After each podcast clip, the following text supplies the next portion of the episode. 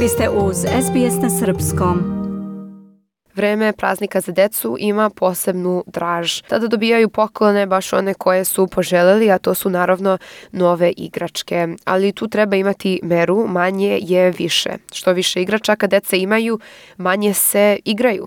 Naučne studije potvrdile su da previše igračaka može rezultirati suprotnim efektom, od željnog deca mogu biti manje srećna.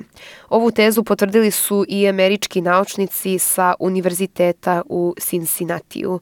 Previše igračaka može ometati dečiju pažnju što dovodi do gubitka koncentracije potrebne za učenje kroz igru, kaže Claire Lerner, psihoterapeut i istraživač dečijeg razvoja.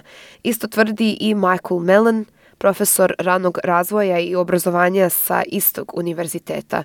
Njegovo istraživanje pokazalo je da manje igračaka dovodi do bolje saradnje, što je važna životna veština. Previše igračaka podstiče dete da se igra samostalno i izaziva osjećaj preopterećenja. Praznična atmosfera kod dece podstiče uzbuđenje i neizvesnost, a roditelji u a roditelji kako bi udovoljili želje svojih mališana često preteruju sa količinom poklona, pre svega igračaka. Pogrešno je, složni su psiholozi, kupovati deci previše igračaka, pa čak i ako su to omiljeni pokloni koje deca željno isčekuju. Mnogo je bolje napraviti kompromis između onoga što im treba i onoga što žele.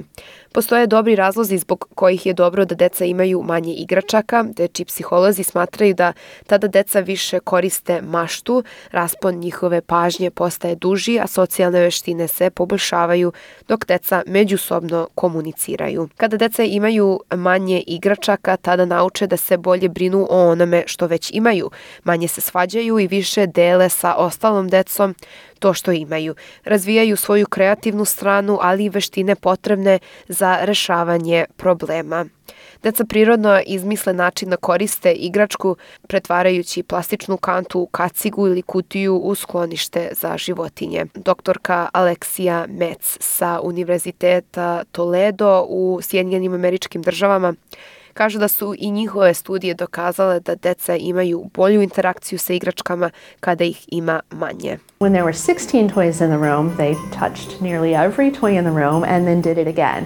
So they, um, their incidences of play really went up. They engaged more different times with toys, but they were shorter Kada smo deci dali 16 različitih igračaka, oni su svaku igračku podigli po jednom i ostavili i tako u krug.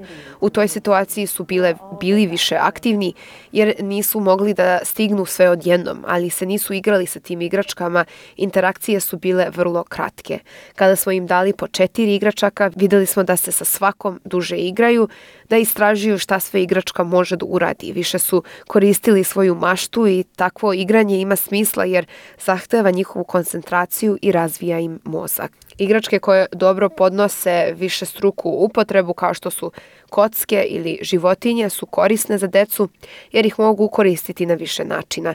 Igračke koje predstavljaju glavne junake iz dečjih omljenih crtanih filmova su kratkog daha, nešto što deci drži pažnju samo do trenutka kada se pojavi novi crtani film, novi junak ili nova igračka. Stručnjaci naravno kažu da ne treba izbegavati igračke, ne treba da ih ne kupujete uopšte, samo treba imati meru pri kupovini. Jedno je sigurno, koliko god igračka bila dobra, deca neće pamtiti samo te poklone, posvetite im vreme i pažnju i to će im biti verovatno najdraža uspomena novogodišnjih praznika. Želite da čujete još priča poput ove? Slušajte nas na Apple Podcast, Google Podcast, Spotify ili odakle god slušate podcast.